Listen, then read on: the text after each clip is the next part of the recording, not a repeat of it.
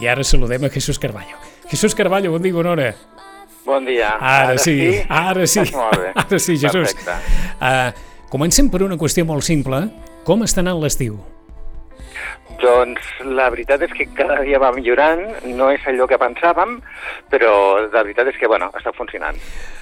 Què pensàveu, bàsicament, Jesús? Que retrobaríeu les xifres de l'any 2019? Pensàveu que aquesta recuperació seria una mica més, més potent?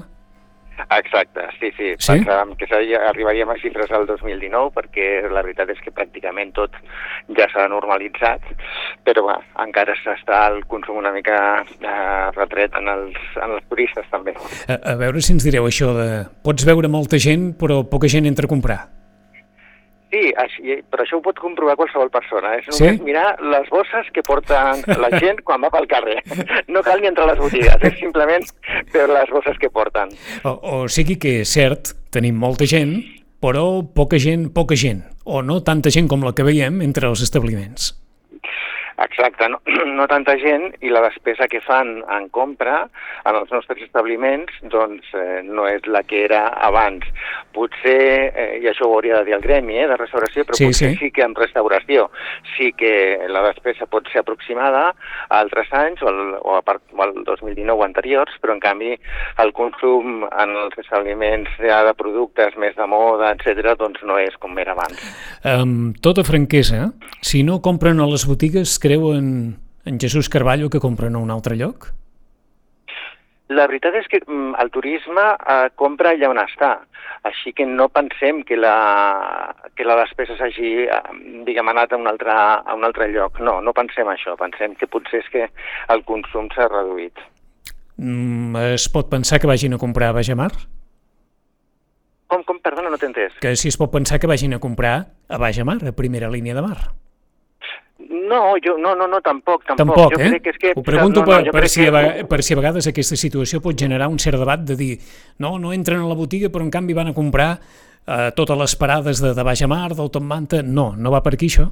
No, no, no, jo crec que és més que la gent mira molt, passa pels separadors, mira, però potser finalment no entra i, i fa la compra. Eh, veiem més el problema en aquí. Aquesta Shopping Night que torna, després de, de la pandèmia, torna a ple estiu. Uh L'heu begut a ple estiu per quina raó?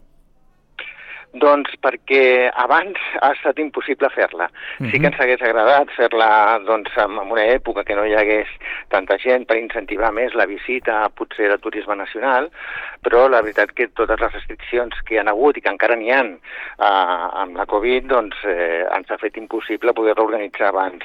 No vol dir que sempre o a partir d'ara organitzem amb aquesta data, sinó que farem un replantejament depenent també de la situació que ens trobem amb la pandèmia. Eh, perquè recordo en la majoria de casos el comerç sempre plantejava, diguem-ne, un esdeveniment d'aquest tipus, o bé entrada a la tardor o bé en la primavera, amb el canvi d'estació, no? Uh -huh.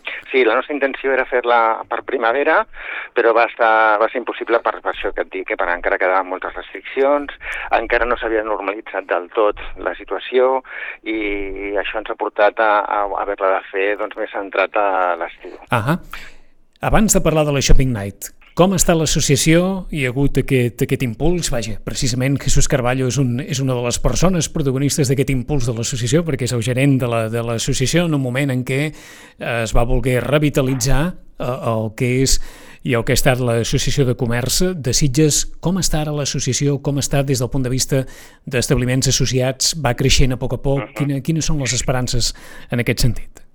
A veure, jo mira, us, us faré un recordatori, és que la presentació oficial en públic de l'associació va ser just una setmana abans del confinament. Sí, sí. Sí, vam, vam fer la, la presentació i la setmana següent estaven tots tancats a casa. Exacte. Per tant, va ser, va ser un, un naixement Que complicat, si no, si molt no, difícil. recordo, si no recordo malament, Jesús, eh, l'alcaldessa no hi va poder assistir però perquè tenia la grip, aleshores. No era, no era la Covid, era la grip, però en qualsevol cas eh, la presentació va venir gairebé de, de bracet amb la, amb la Covid, eh? Exacte, mm -hmm. sí, sí, mhm. sí, així, així, així va ser com tu dius. Eh? Eh, llavors va ser un moment molt complicat de naixement d'una associació. A més a més, va ser una situació eh, del sector complicada econòmicament. Eh, penseu eh, que es van tancar els negocis i d'un dia per un altre es va deixar de facturar, però en canvi tots els subministraments, etc s'havien de pagar. Per tant, eh, va ser complicat, però tot i això la Junta Directiva doncs, va voler continuar endavant, van estar treballant moltíssim durant els primers mesos. Una de les primeres coses que van fer va ser contractar-me a mi mm -hmm. i des de llavors doncs, bueno, hem arribat a ser 60 associats. No és el nombre que a nosaltres ens agradaria, ens agradaria doncs, eh, tenim més associats, però com, com ja et dic, costa la recuperació del sector, doncs també està costant doncs, eh, que l'associació la, pugui créixer al ritme i al nivell que nosaltres voldríem. Um, però, tot i això, és, uh -huh. és satisfactori el nivell. Eh? En el seu moment sempre es posava sobre la taula no sé si dir aquella, aquella reflexió sobre si el fet que el comerç està tan atomitzat i molt sovint estigui format per, per establiments que tenen una durada curta per, per les expectatives que en el seu dia segurament molts molts empresaris es van fer i que després la realitat eh, els ha posat diguem-ne en una situació econòmica molt difícil, és aquesta atomització, la, la poca, no sé si dir, consciència de, de sentir-se que poden formar part d'un teixit associatiu o que fa que molts establiments eh, els costi entrar dins l'associació? És una de les raons. Eh? Per un costat, la, això que tu dius, eh? l'atomització, per un altre, que hi ha molts establiments que són efímers, i quan diem això vol dir que potser obren uh -huh. més l'època d'estiu i després tanquen. Això també fa complicat que s'arreli el, el propietari en aquest teixit associatiu, i després la situació econòmica que hem comentat, això complica bastant la situació, però tot i això eh, creiem que és molt necessari que hi hagi una associació com la nostra, que estem ajudem molt a tot el sector, a tots els associats, i que no ens cansem i continuarem lluitant. D'aquests 60 establiments, prop de 40 participaran uh -huh. aquest eh, dissabte amb la Shopping Night que té com és temàtic la pel·lícula de la qual ara n'escoltàvem eh, el tema principal amb Abril Lavigne, Alice in Wonderland, Alicia al País de les Meravelles de Tim Burton, que va ser un exitàs en el seu dia. Eh, heu escollit Alicia per, per alguna raó, Jesús? Doncs perquè creiem que ens donava molt, molt de joc per poder crear tot un fil conductor uh, de la Shopping Night, perquè una de les coses que sí que estem segurs que farem serà canviar la temàtica any a any. Uh -huh. Llavors, el Alice in Wonderland, eh, diguem, amb tota aquesta estètica diferent que, que va, va fer i va dissenyar el Tim Burton, doncs eh, ens agradava molt per una Shopping Night a Sitges. Tot plegat començarà a quina hora?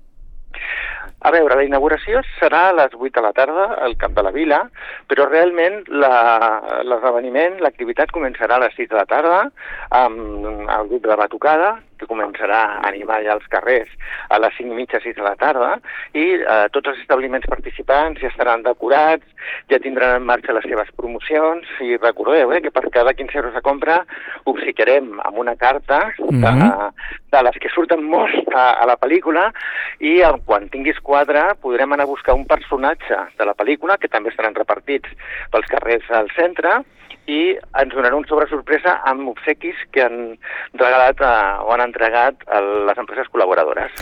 Tot plegat fins a les 12 de la nit. Ah, exacte. És a dir, que durant... Fins a les 11... Uh -huh. Digues, digues, digues, digues, Jesús. Sí, sí, fins a les 11 de la nit tindrem una sessió DJ de la Nara Comadella, eh, des del cap de la vila, que uh -huh. també sonarà en els altres carrers. Sonarà també al carrer Major, Parellades, Sant Francesc i Jesús. O sigui, podem escoltar aquesta sessió en aquests quatre carrers i això serà fins a les 11 de la nit. Però no és que acabi l'activitat a les 11, sinó que deixem la música a les 11 de la nit, però estarem oberts fins a les 12. O sigui, que per tots aquells que vulguin participar en la Shopping Night, a partir de les 8 i fins a les 12, tenen temps de comprar en els establiments, d'adquirir aquestes, d'aconseguir aquestes quatre cartes i, per tant, de poder participar en els diferents sortejos que es faran fins a les 12 de la nit, eh?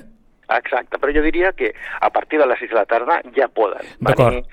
O sigui, que ampliem l'horari, eh? De D'acord. 6 a 12 de la nit, són 6 hores. D'acord, els establiments que estaran identificats amb una catifa de quadres a l'exterior, amb una làmpada de peu, amb un Exacte. cor, o sigui que no hi haurà possibilitat de, de perdre la pista de, dels establiments que participaran d'aquesta Shopping Night el 30 de juliol. O sigui que encara que estigui situada diguem-ne, desencaixada respecte a la planificació prevista, l'idea, i suposo, Jesús, que això us agafareu, és que aquests sitges de cap de setmana de juliol i trànsit al mes d'agost, que estarà ben ple, pugui tenir doncs, aquest, aquest reclam comercial per totes les persones que ens visitin, no?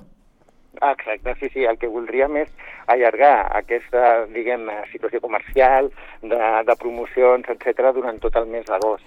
Penseu que inclús molts, molts dels obsequis que tindrem seran eh, xecs regal, per exemple, que, que obsequia l'associació, són 1.000 euros en xecs regal, seran per consumir no el mateix dia de la, Ahà. de la Shopping Night, sinó a partir del dia següent fins al 31 d'agost. Perquè el que voldríem és que eh, la gent repeteixi i vingui més d'una vegada Mhm. a, la, a la nostra vila. O sigui, 10 xecs regal de 100 euros cadascun, eh? Ahà. Per tant, Sí, sí. Doncs, doncs val la pena perquè per una despesa que es pugui fer en una nit, un pot tenir l'oportunitat no només de, de, de ser obsequiat amb alguns dels obsequis que Sitges Comerç té previst, sinó també de tenir un d'aquests 10 xecs de 100 euros per gastar a partir de l'endemà, a partir de, del mes d'agost. Jesús Carballo, que sigui un èxit el dissabte. Doncs moltes gràcies també a vosaltres per eh, deixar-nos explicar en la nostra Shopping Night. Gràcies. Shopping Night. Gràcies i sort, Jesús. Adéu-siau. Molt bé, adeu, adeu.